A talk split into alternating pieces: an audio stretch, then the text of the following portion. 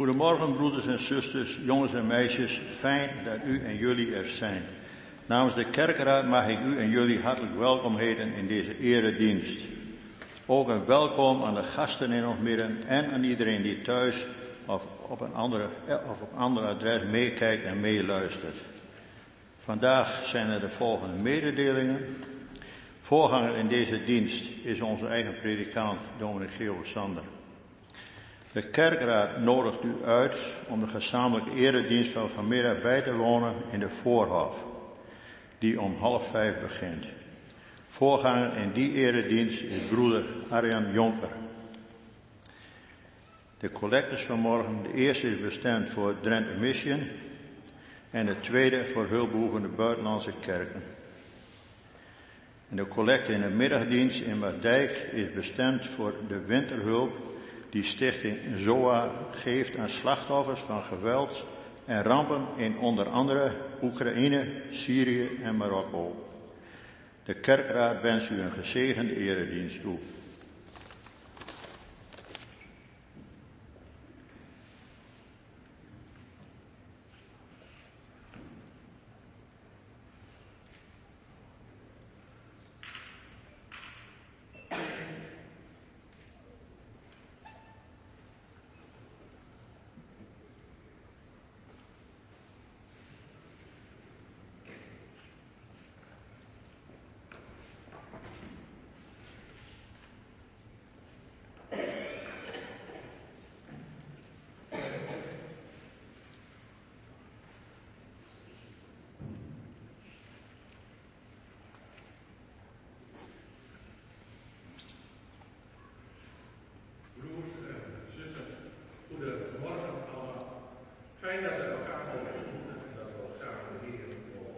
En ik hoop dat we met elkaar een goede en gezegende eredienst zullen hebben. Na foto met zegengroet zingen we uit Psalm 122, het eerste vers. Dat we blij zijn in het huis van de Heer te zijn. Maar eerst beleiden we met elkaar dat de Heer onze helper is en daar gaan we bij staan.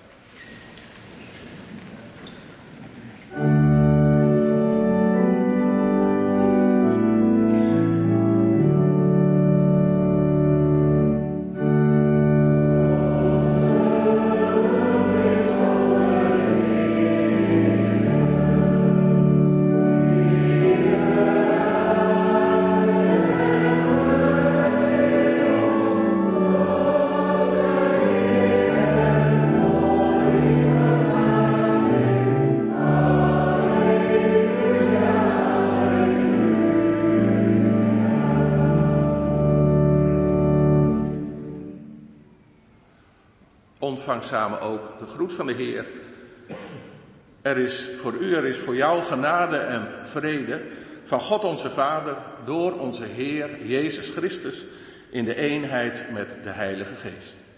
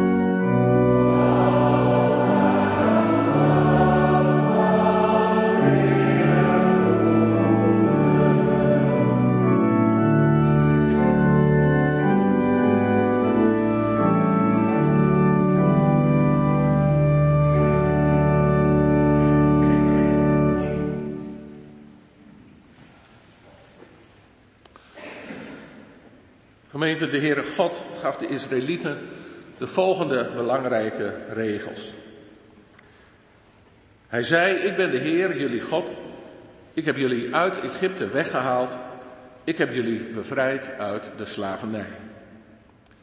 En in het kader van die redding, van die bevrijding, staan dan de volgende geboden. Vereer geen andere goden, maar vereer alleen mij.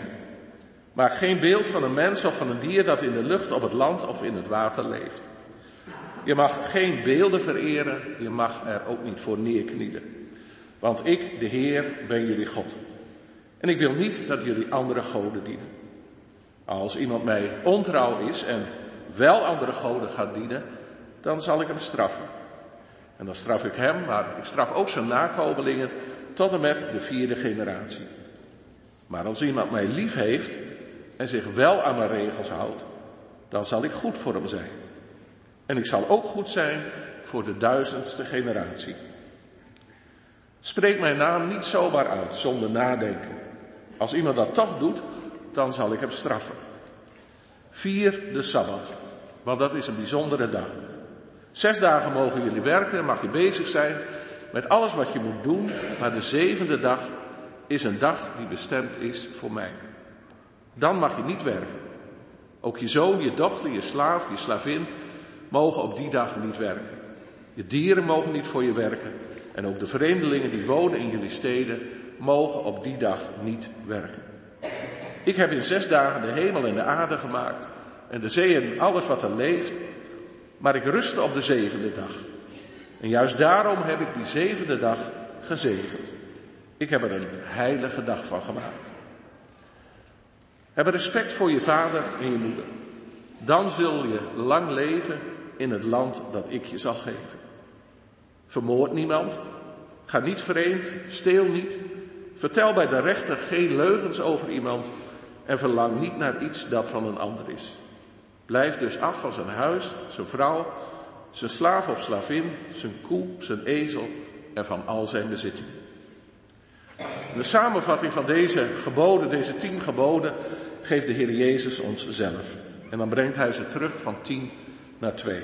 Hij zei, de eerste en belangrijkste regel is deze. De Heer is je God. En je moet van Hem houden met je hele hart, met je hele ziel en met je hele verstand. Maar de tweede regel is net zo belangrijk als de eerste. Van de mensen om je heen moet je evenveel houden als van jezelf. Die twee regels zijn de basis van de wet en van alle andere heilige boeken. Laten we nu zingen uit Psalm 85, de versen 3 en 4.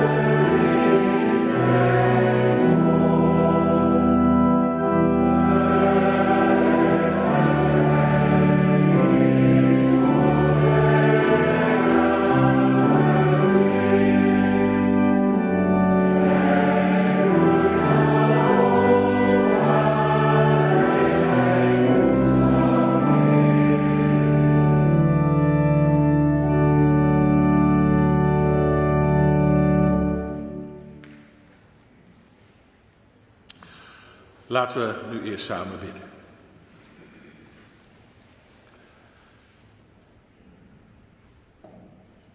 Heilige God, Vader van Jezus Christus.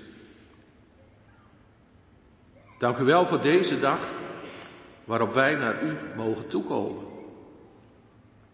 En Heer, wij prijzen, wij loven u voor uw goedheid.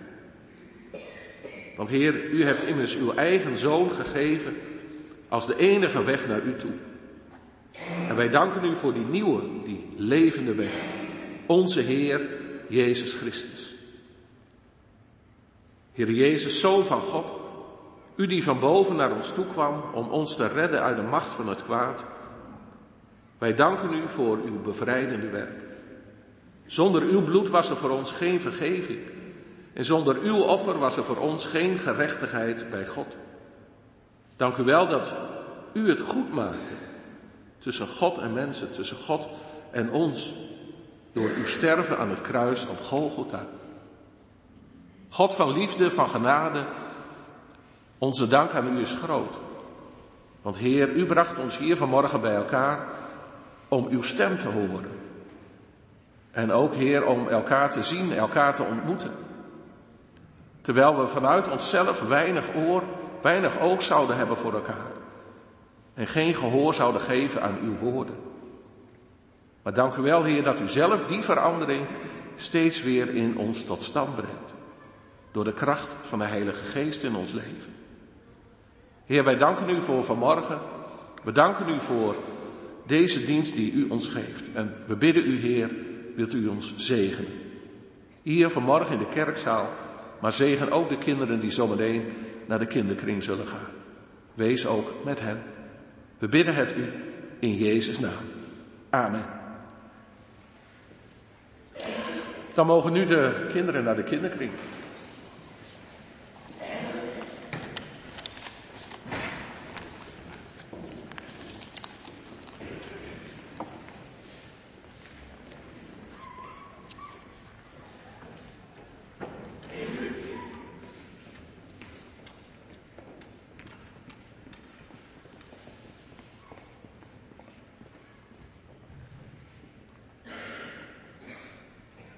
Wij gaan samen lezen uit de Bijbel. Vanmorgen uit Romeinen 14. We lezen vanaf vers 9. We lezen door tot in hoofdstuk 15, het zevende vers.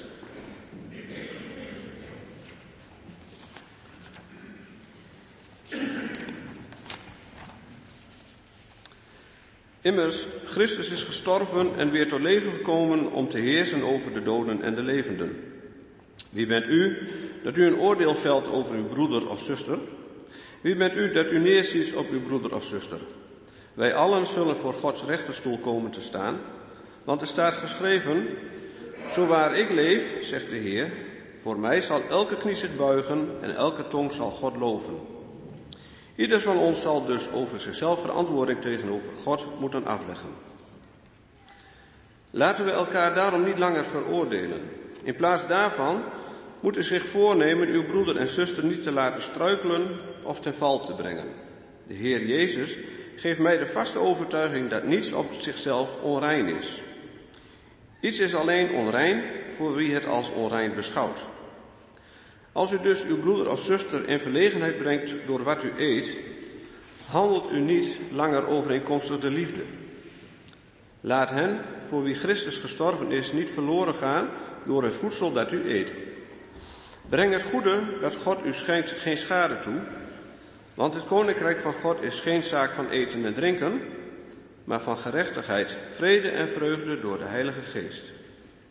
Wie Christus zo dient, is God welgevallig en bij de mensen geacht. Laten we daarom streven naar wat de vrede bevordert en naar wat opbouwend is voor elkaar. Breek het werk van God niet af, enkel vanwege voedsel. Weliswaar is alle voedsel rein, maar het is verkeerd om iets te eten dat een struikelblok vormt. Vlees, wijn of iets anders dat voor uw broeder of zuster een struikelblok vormt, kunt u beter mijden. Uw overtuiging is een aangelegenheid tussen u en God. Gelukkig is wie zich geen verwijten hoeft te maken over wat hij besluit te doen, maar wie met zichzelf in conflict komt door wat hij eet, is op dat moment al veroordeeld. Want dan komt het niet voort uit geloof, en alles wat niet uit geloof voortkomt is zondig. Wij, de sterken, moeten de zwakken in hun kwetsbaarheid bijstaan en niet ons eigen belang voorop zetten. Laat ieder van ons zich richten op het belang van de ander, op wat goed en opbouwend voor hem is. Ook Christus zocht niet zijn eigen belang. Integendeel, er staat geschreven, de smaad van wie u smaadt is op mij neergekomen. Alles wat vroeger is geschreven, is geschreven om ons te onderwijzen, opdat wij door te volharden en door troost te putten uit de schriften zouden blijven hopen. Mogen God, die ons doet volharden en ons troost geeft, u de eensgezindheid geven die Christus Jezus van ons vraagt. Dan zult u eendrachtig en eenstemmig lof brengen aan de God en Vader van onze Heer Jezus Christus. Aanvaard elkaar daarom ter ere van God, zoals Christus u heeft aanvaard.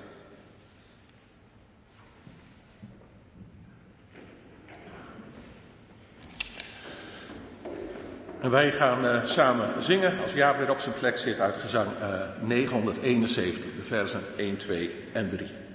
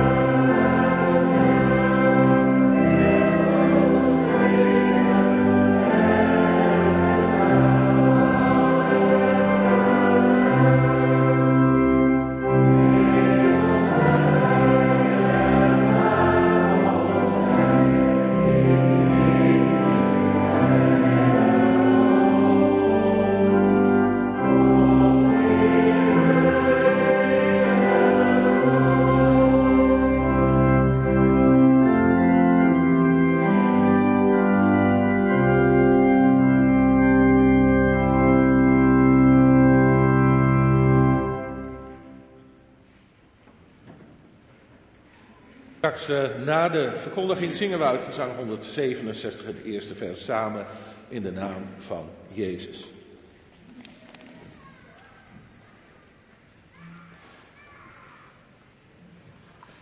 Tekst van de preek van vanmorgen, uitgangspunt van de verkondiging, is uh, Romeinen 14, vers 17. En daar uh, lezen we dit, en dat mag uh, zo meteen ook wel blijven staan. Want het koninkrijk van God is geen zaak van eten en drinken, maar van gerechtigheid, vrede en vreugde door de Heilige Geest.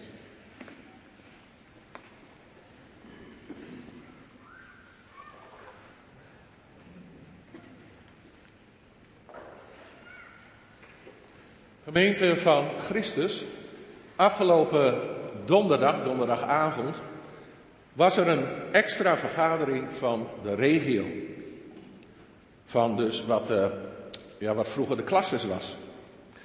En Harry en uh, Arend en ik waren op die vergadering aanwezig. Uiteraard met allerlei andere broers en zussen. Maar we kwamen speciaal bij elkaar om vanuit de visitaties van het afgelopen seizoen met elkaar door te spreken over twee punten. Eerst is dit. Het gaat over de ambten. We hebben daar in de visitaties over gesproken en heel veel gemeenten lopen aan tegen moeite om die vacatures die er zijn, om die in te vullen.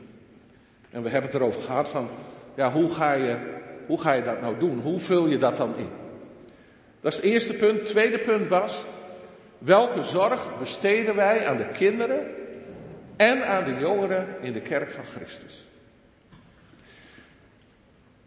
Daarbij moet je bedenken dat we over deze twee punten spraken vanuit de zorgen die we erover hebben. Zorgen die leven onder kerkenraden, maar zorgen die ook leven in de, in de kerken zelf. Nou, die zorgen die hebben we best ook wel benoemd, maar Vooral hadden we het samen over, ja, hoe ga je nou verder?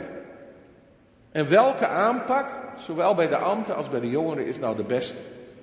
Wat is nou een goede aanpak, een vruchtbare aanpak, dat je ook daadwerkelijk verder komt?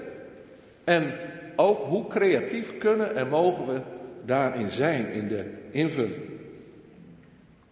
Aan het begin van die speciale vergadering lazen we uit Hebreeën 12. Dat is een heel lang hoofdstuk, maar aan het einde van het hoofdstuk staat dan dit. Laten wij dankbaar zijn omdat wij een onwankelbaar koninkrijk ontvangen. Zo kunnen we God dienen zoals het hem behaagt, met eerbied en ontzag. Nou gemeente, vooral dat woordje onwankelbaar, onwankelbaar koninkrijk, dat, ja, dat raakte me. Toen we dat zo lazen en toen ik het later thuis, vrijdagmorgen, nog eens weer een keer teruglas. Maar niet alleen maar raakte het mij, het bemoedigde me ook. Want het zegt je, het woord van de Heer zegt je, dat koninkrijk van God, dat staat werkelijk als een huis. Rotsvast. Nou weten we dat Jezus veel met zijn leerlingen gedeeld heeft over dat koninkrijk. Een koninkrijk dat in hem hier op aarde kwam koninkrijk waarvan hij de koning is, maar dat zijn volmaaktheid zal bereiken als hij terugkomt. En wij mogen weten en eraan vasthouden dat de Heer Jezus zelf ons meeneemt naar dat volmaakte van het koninkrijk. Met andere woorden, gemeente, wij zijn hier op aarde pelgrims. Mensen onderweg. En dat koninkrijk van de Heere God is nu al zichtbaar in mensen, in christenen, en is ook zichtbaar in de kerk. We zijn dus kerk, hier en nu, in onze omstandigheden, maar wel onderweg naar het volmaakt. En dan dat woord uit Hebreeën 12. Onwankelbaar is dat koninkrijk. Maar is dat wel zo? En, en maken we dat ook wel mee? Kijk, we zien dat er heel veel in beweging is. Zeker ook de laatste jaren. En we zien ook dat er broers en zussen zijn die het daar best heel moeilijk mee hebben. En die dat allemaal, al die veranderingen, die dat, dat, dat niet zo meemaken. En die ook wel heimwee hebben naar hoe het was. Maar gemeente, het is niet meer zoals vroeger. En je kunt dat betreuren, maar je haalt het niet meer terug. En dat hoeft ook niet en dat mag ook niet. Maar belangrijk is het wel al die ontwikkelingen te zien als kansen en uitdagingen. En de spannende vraag in onze tijd is, hoe houd je elkaar vast en hoe neem je elkaar mee naar het volmaakte van Gods koninkrijk? Hoe doe je dat? Nou, op dat punt kunnen we leren van wat er staat in Romeinen 14. Paulus heeft het zo tegen het einde van zijn brief, einde is hoofdstuk 16, heeft hij het over de sterken en over de zwakken. Over sterken in het geloof, mensen dus die stevig staan, maar ook over zwakken in het geloof, mensen die wankelen, heen en weer geslingerd worden. Ik ga vanmorgen niet uitdiepen wie dat dan zijn. De eerste versen van hoofdstuk 14, die gaan daarover. Maar sterke en zwakke, dat geeft ook aan, ja, wij zitten in de kerk niet op één lijn. En het heeft ook iets in zich van, de een voelt zich ver verheven boven de ander. Alle gelijkwaardigheid die er mag, die er moet zijn in de gemeente van Christus is daarmee ook weg. De een boven de ander. De sterken boven de zwakken. En dan heel kort even, die sterken, die leggen vooral de nadruk op vrijheid. Op ruimte als het gaat over het vieren van feestdagen. En ook over het eten en drinken van vlees en wijn. Maar de zwakken in, in de kerk, die stonden daar anders in. En waren daar ja, veel terughoudender in. Zagen veel minder ruimte. Nou, sterke en zwakke dus. En wat dan heel opvallend is in dit hoofdstuk, dat is dat Paulus eigenlijk geen positie kiest. Niet voor het een, niet voor het ander. Maar dat hij inzet op, en dat is ook voor vandaag belangrijk, hoe ga je nou in al die verschillen met elkaar om? Hoe doe je dat? Is er ruimte elkaar te aanvaarden als je onderling van mening verschilt? En blijft er altijd de ruimte in de gemeente om samen op te trekken? En in wat hij dan zegt, wat hij dan schrijft, laat hij doorschemeren dat dat best heel moeilijk is. En niet gemakkelijk om in de gemeente van Christus, ja, daar vorm aan te geven. En ook zegt hij van, ja, voordat je het weet, sta je echt recht tegenover elkaar.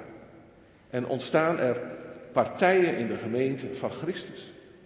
Vallen er harde woorden, weet je elkaar niet meer te vinden en ontstaat er verwijdering. Of je plakt elkaar heel snel etiketten op als jij bent precies, jij bent rekkelijk, jij bent behoudend, jij bent modern, jij bent vrij, jij bent evangelisch, jij bent hersteld en wat al niet meer. Een gemeente, dat is iets van alle eeuwen, niet alleen maar van onze tijd. En in de tijd van Paulus, Romeinen 14, zien we iets van het begin van die ontwikkeling. In zijn spreken over sterke en zwakke in de gemeente. Vooral geeft hij ook aan dat het koninkrijk meer is dan de zaken van eten en drinken. Dat het koninkrijk van God, het leven vanuit het koninkrijk, dat het meer is dan allerlei zaken, dan allerlei kwesties, meer of minder belangrijk in de kerk. Hij maakt duidelijk, en laten we dat meenemen vanmorgen, in het koninkrijk van God zijn er andere prioriteiten. Prioriteiten die de kerk mag laten zien aan, aan elkaar in de kerk, maar ook aan de wereld van nu. Andere prioriteiten die de kerk mag uitleven in de kerk en in de wereld. Dus ook in de wereld. Waar christenen in de samenleving van vandaag echt een minderheid geworden zijn. En ook dat kun je betreuren, maar gemeente, het is wel een gegeven. En vanuit dat gegeven, ja, moet je en mag je er ook mee omgaan. In het koninkrijk van God zijn er andere prioriteiten. En welke zijn dat dan? Nou, ik vind ze terug in vers 17. De kerk doet in de wereld van het hier en nu aan gerechtigheid. Dat is het eerste aan gerechtigheid. En gerechtigheid gemeente, dat verbind je gelijk met de Heere God zelf. Dat verbind je met wat Hij in de Heer Jezus Christus gedaan heeft. En in Hem gegeven heeft. Aan ons allemaal. En dat is vergeving van zonde. Dat is eeuwig leven. Dat is inwoning van de Heilige Geest. Dat is dat het door de Heer Jezus Christus weer goed is tussen God en mens. Dus weer goed is tussen de Heere God en jou. Want je mag het heel, heel persoonlijk naar jezelf toetrekken. En dat het weer goed is, gemeente, precies dat mag zichtbaar zijn en nog meer zichtbaar worden in jouw leven hier op aarde. Bijvoorbeeld in dat jij in, in jouw houding richting anderen ook rechtvaardig bent. En dat je, dat je elkaar in het leven, dus ook in de kerk, recht doet. Dat je elkaar aanvaardt. De kerk doet in de wereld aan gerechtigheid. Maar de kerk doet ook aan vrede. En Paulus, Paulus noemt dat expliciet vrede. En daar bedoelt hij mee niet tegenover elkaar. Ook niet los van elkaar. Maar echt bij elkaar. Samen. Schouder aan schouder richting het volmaakte koninkrijk van de Heere God. Samen dus. En dan zijn er in ons kerkelijk leven veranderingen. En zeker, er zijn ontwikkelingen. En zo gaat dat ook in de samenleving van nu, in het, in het leven van nu. En in al die veranderingen, al die ontwikkelingen in de kerk, ja gemeente, wij staan daar niet allemaal gelijk in. Want wij zijn ook niet allemaal gelijk. We zijn allemaal verschillend. Maar wat is het dan belangrijk als je er niet gelijk in staat om een goede omgeving voor elkaar te zijn? Dat er onder ons, ondanks die verschillen, ondanks die verschillende taxatie, dat er onder ons vrede is en vrede blijft. Want gemeente, wij worden aangespoord door de apostel Paulus om elkaar niet te veroordelen, maar om elkaar te aanvaarden. En wat is dat dan? Wat is nou aanvaarden? Nou, aanvaarden dat is niet dat je zegt van nou, jij hebt jouw visie, jij hebt jouw kijk op de zaken en ik heb de mijne. Die is totaal anders. Maar jij hebt jouw, ik het mijne en dat, dat verdragen we dan van elkaar. En zo komen we wel door de tijd heen. Dat is niet aanvaarden. Aanvaarden, dat is vooral ook, ook in deze zaken, dat je scherp houdt en dat je van elkaar begrijpt, van elkaar dus, begrijpt dat de ander ook in geloof een bepaalde visie heeft. En dat je op die basis dan ook verder gaat en ook verder kunt. Paulus schrijft ook, laat eendracht zien. En Paulus schrijft ook, wees eensgezind. Ook dat bevordert de vrede onder elkaar. En dan ook nog de kerk doet aan vreugde. Ik vond het wel bijzonder dat dat woord in dit rijtje tegen te komen. Gerechtigheid, vrede en dan ook vreugde. Persoonlijk vind ik dat een, een mooi punt, maar dat niet alleen, vooral ook een belangrijk punt. Dat wij vooral ook ja, blij zijn in de kerk. Dat wij ook enthousiast zijn. Dat wij gemotiveerd zijn om ons te geven in het kerkelijke leven. Want gemeente, wij zijn toch blij met onze vrijspraak in de Heer Jezus Christus. Wij zijn toch blij met onze verlossing. En dat willen we toch ook laten zien, dat willen we toch ook uitleven, niet in eigen kracht, maar door de Heilige Geest. En daar willen we toch ook in groeien. En gemeente, we zijn toch ook blij met elkaar. Met je broers en zussen in het geloof, oud en jong. We zijn toch ook blij met wat we samen in de gemeente van de Heer Jezus Christus hier in Assen West ontvangen. En ook dat we elkaar ruimte geven en ruimte gunnen. En dat is, dat is er zeker ook hier. En ik ben er blij mee. Maar tegelijkertijd zeg ik er ook bij, we kunnen daar ook nog verder in doorgroeien. Want gemeente, wij hebben best wel vaak kritiek. Kritiek op allerlei kleine dingen. Op dingen die eigenlijk ja, helemaal niet zo belangrijk vinden. Niet zo belangrijk zijn. En ook wel dat we zo vast kunnen houden aan, aan hoe het altijd geweest is. En de laatste tijd hoor je ook heel veel, ook onder ons wel, heel veel over zorgen hierover. En zorgen daarover. Zorgen over de kinderen, zorgen over de jongeren. Zorgen over de vacatures, zorgen over de kerkgang. Zorgen over dat het zo leeg is in de kerk. En ga zo maar door. En zijn dat dan zorgen? Ja, natuurlijk zijn dat zorgen. En zo kun je en zo moet je dat ook noemen en benoemen. En ik denk dat het ook goed is dat je in de kerk ook de pijnpunten die er zijn benoemt. En spreek je zorg er maar over uit. Dat is belangrijk. Maar gemeente, vervolgens moet je dan wel de volgende stap maken.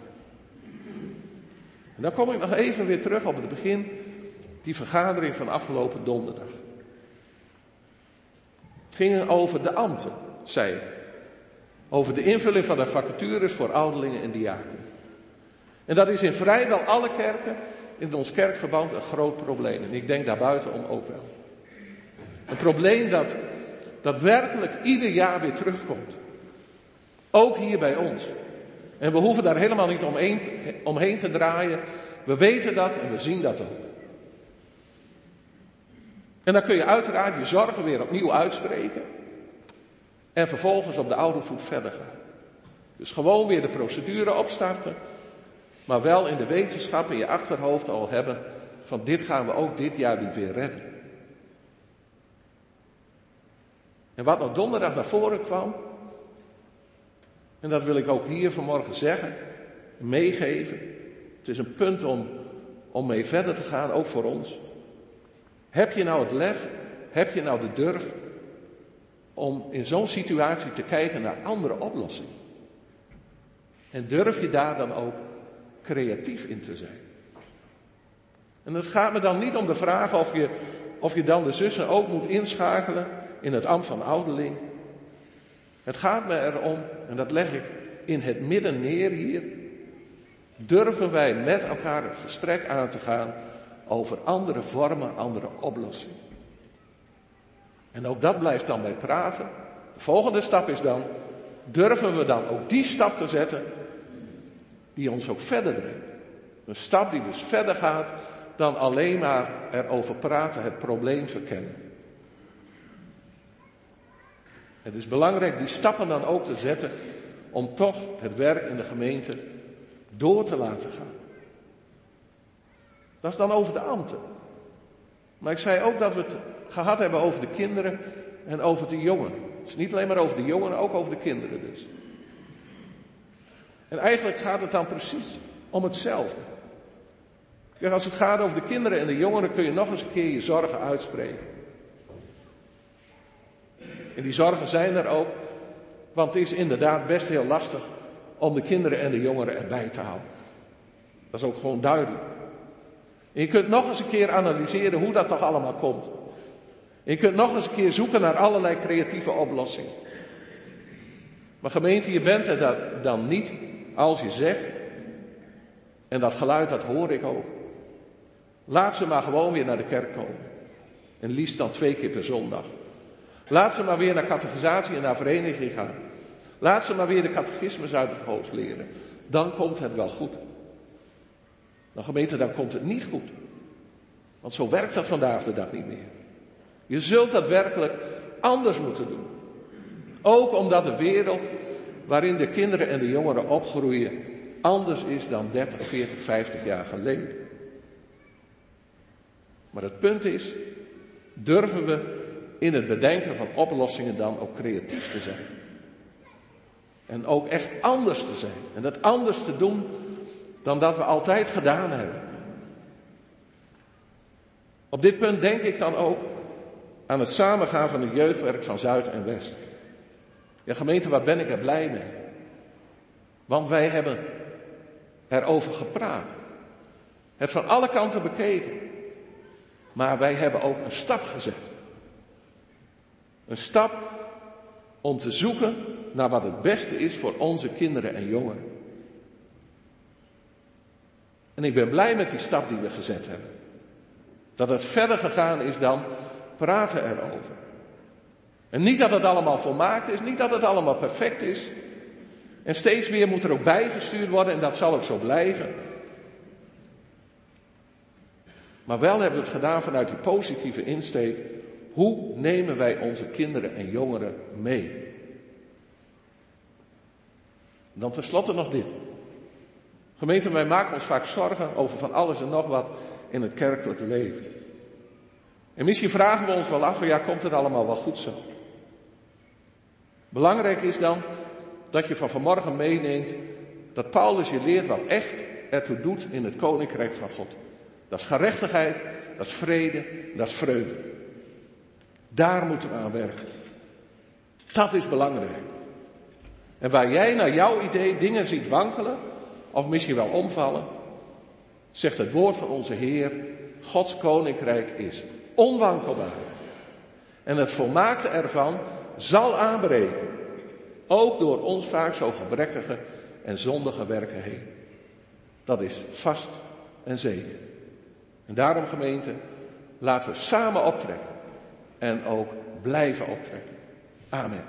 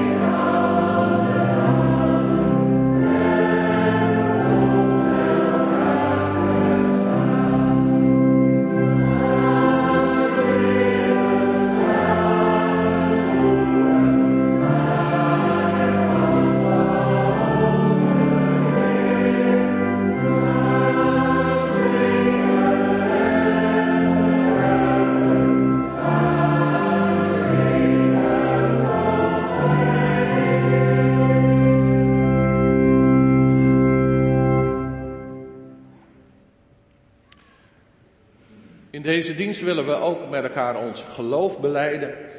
Dat doen we door uh, samen te luisteren naar de woorden van de apostolische geloofsbeleidenis.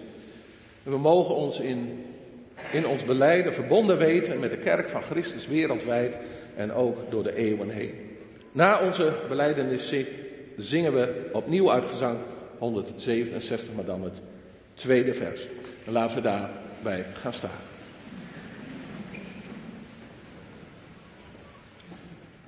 Wij beleiden ons geloof met deze woorden. Ik geloof in God de Vader, de Almachtige, Schepper van de hemel en van de aarde. En ik geloof in Jezus Christus, zijn enige geboren Zoon, onze Heer. Die ontvangen is van de Heilige Geest, geboren uit de Maagd Maria. Die geleden heeft onder Pontius Pilatus, is gekruisigd, gestorven en begraven, neergedaald in de hel. Op de derde dag opgestaan uit de doden opgevaren naar de hemel en zit aan de rechterhand van God, de Almachtige Vader. Vandaar zal hij komen om te oordelen de levenden en de doden. Ik geloof in de Heilige Geest.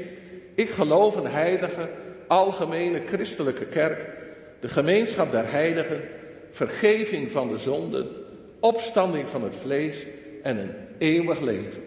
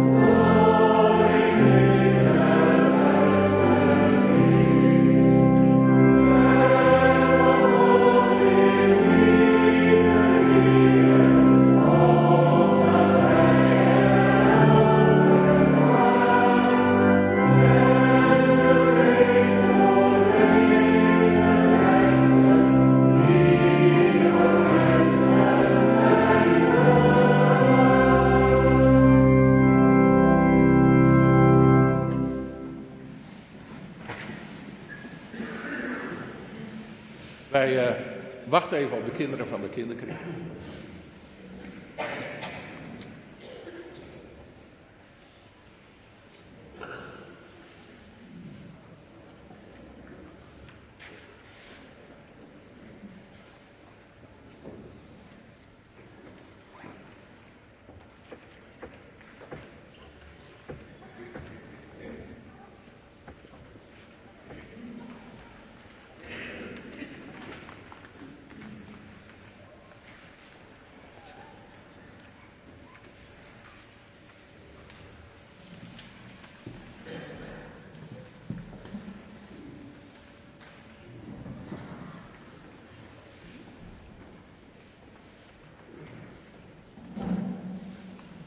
Wij hebben het met de kinderen van uh, groep 6, 7, 8 gehad over Gideon.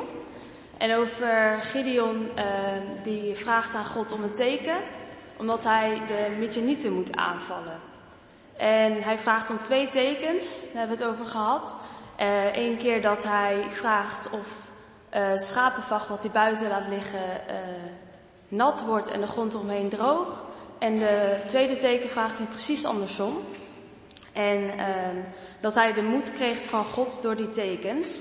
Daarbij hebben we ook een uh, klein schilderijtje gemaakt. Als kinderen die omhoog willen houden, die erbij waren. Een beetje ronddraaien zodat iedereen kan zien. Daar staan allemaal tekens op, zodat als de kinderen daarnaar kijken, dat ze uh, kunnen verwachten dat God hun helpt bij alles wat ze doen. En we hebben ook nog uh, een spelletje gedaan, een soort spelletje 1 tegen 100.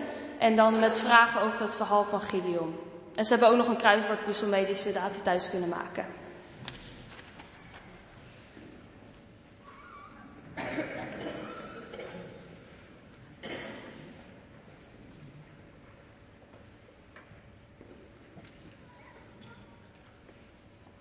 Wel, uh, Julia, dat we even wat uh, mochten terughoren van uh, kinderkringen.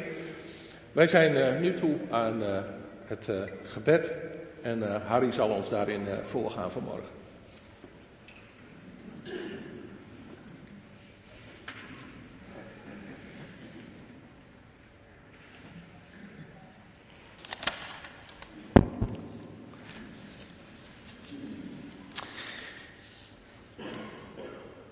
Heer in de hemel, wij naderen op deze eerste dag van de week, de zondag, voor uw heilig aangezicht. Op deze dag gedenken we dat de Heer Jezus op de eerste dag van de week is opgestaan uit de dood. En dat vieren we ook met liederen en muziek tot uw eer. Daarin willen we u prijzen om uw ongedachte liefde en trouw. Maar des te meer om uw genade dat u naar zondaren hebt omgezien en nog steeds blijft omzien. Dat weten we uit de Bijbel, uw woord. Daarin lezen we al vanaf het eerste begin dat u ons niet aan ons lot hebt overgelaten toen wij in Adam in zonde waren gevallen. En de zonde zit ons nog steeds in de genen. Uit onszelf kunnen we dat ook nooit kwijtraken. Daarom hebt u aan Adam en Eva de zogenaamde moederbelofte gegeven, dat het vrouwenzaad geboren zou worden om voorgoed de zonde te niet te doen. Deze belofte hebt u steeds herhaald in het Oude Testament en bekrachtigd in het verbond met Abraham. Ook Jacob getuigt ervan op zijn sterfbed. Dat is genade, dat u ook hen dat al in het vooruitzicht hebt gesteld. Evenzo de belofte aan David dat een nakomeling van hem voor eeuwig zal regeren.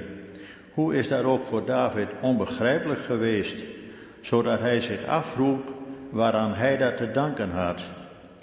Maar hij geloofde u op uw woord en dat was meer dan alleen verwondering, zoals we nu dat vandaag nog tegenkomen, dat het ons hart niet raakt. Ook de profeten maakten al gewacht van de oude belofte. Een kind zal worden geboren, een vredevorst. Hij neemt plaats op Davids troon voor eeuwig. En u zond uw enige zoon naar deze wereld. Hij kreeg de naam Jezus, wat betekent de Heere red. Wat laat u daarin uw trouw zien? Daar tegenover staat vaak onze zonde van ontrouw. En wij vragen u ook ootmoedig om vergeving voor deze ontrouw. Het evangelie laat ons steeds weer, maar weer uw genade zien.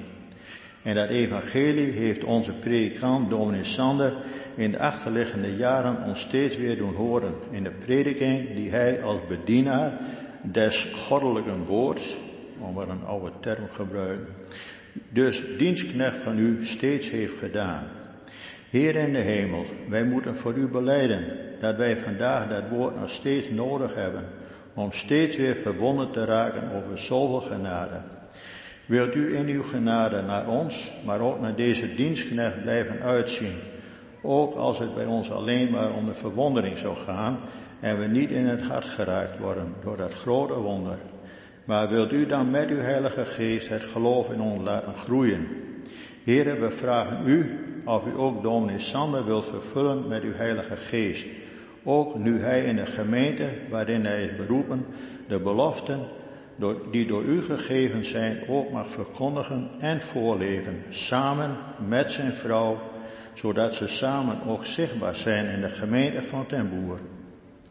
De profeet Jesaja heeft immers al gezegd, Heere, wie heeft onze prediking geloofd? Zo is dan het geloof uit het gehoor en het gehoor door het woord van God. We vragen u of u hen wilt zegenen in een verdere tijd die ze samen in uw dienst hebben te vervullen. Dit alles bidden we u in Jezus' naam. Amen.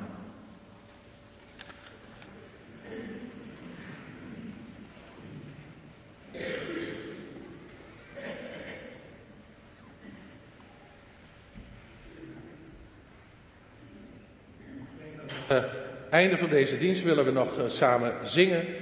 Een uh, prachtig loflied. Prijs de Heer, de weg is open. Dat is vers 3 van gezang 167. Maar dat doen we zometeen na het moment voor de collecte.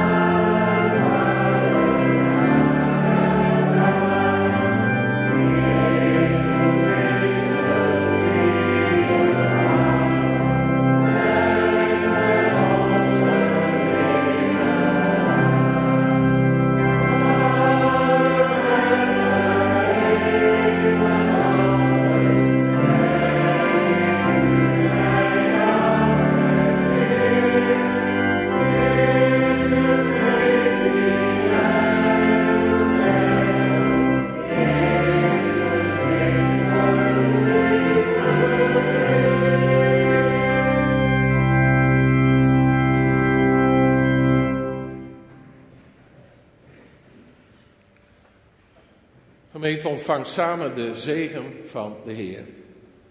Mogen de Heer u zegenen en u beschermen. Mogen de Heer het licht van zijn gelaat over u allen doen schijnen en u genadig zijn. Mogen de Heer u zijn gelaat toewenden en u vrede geven.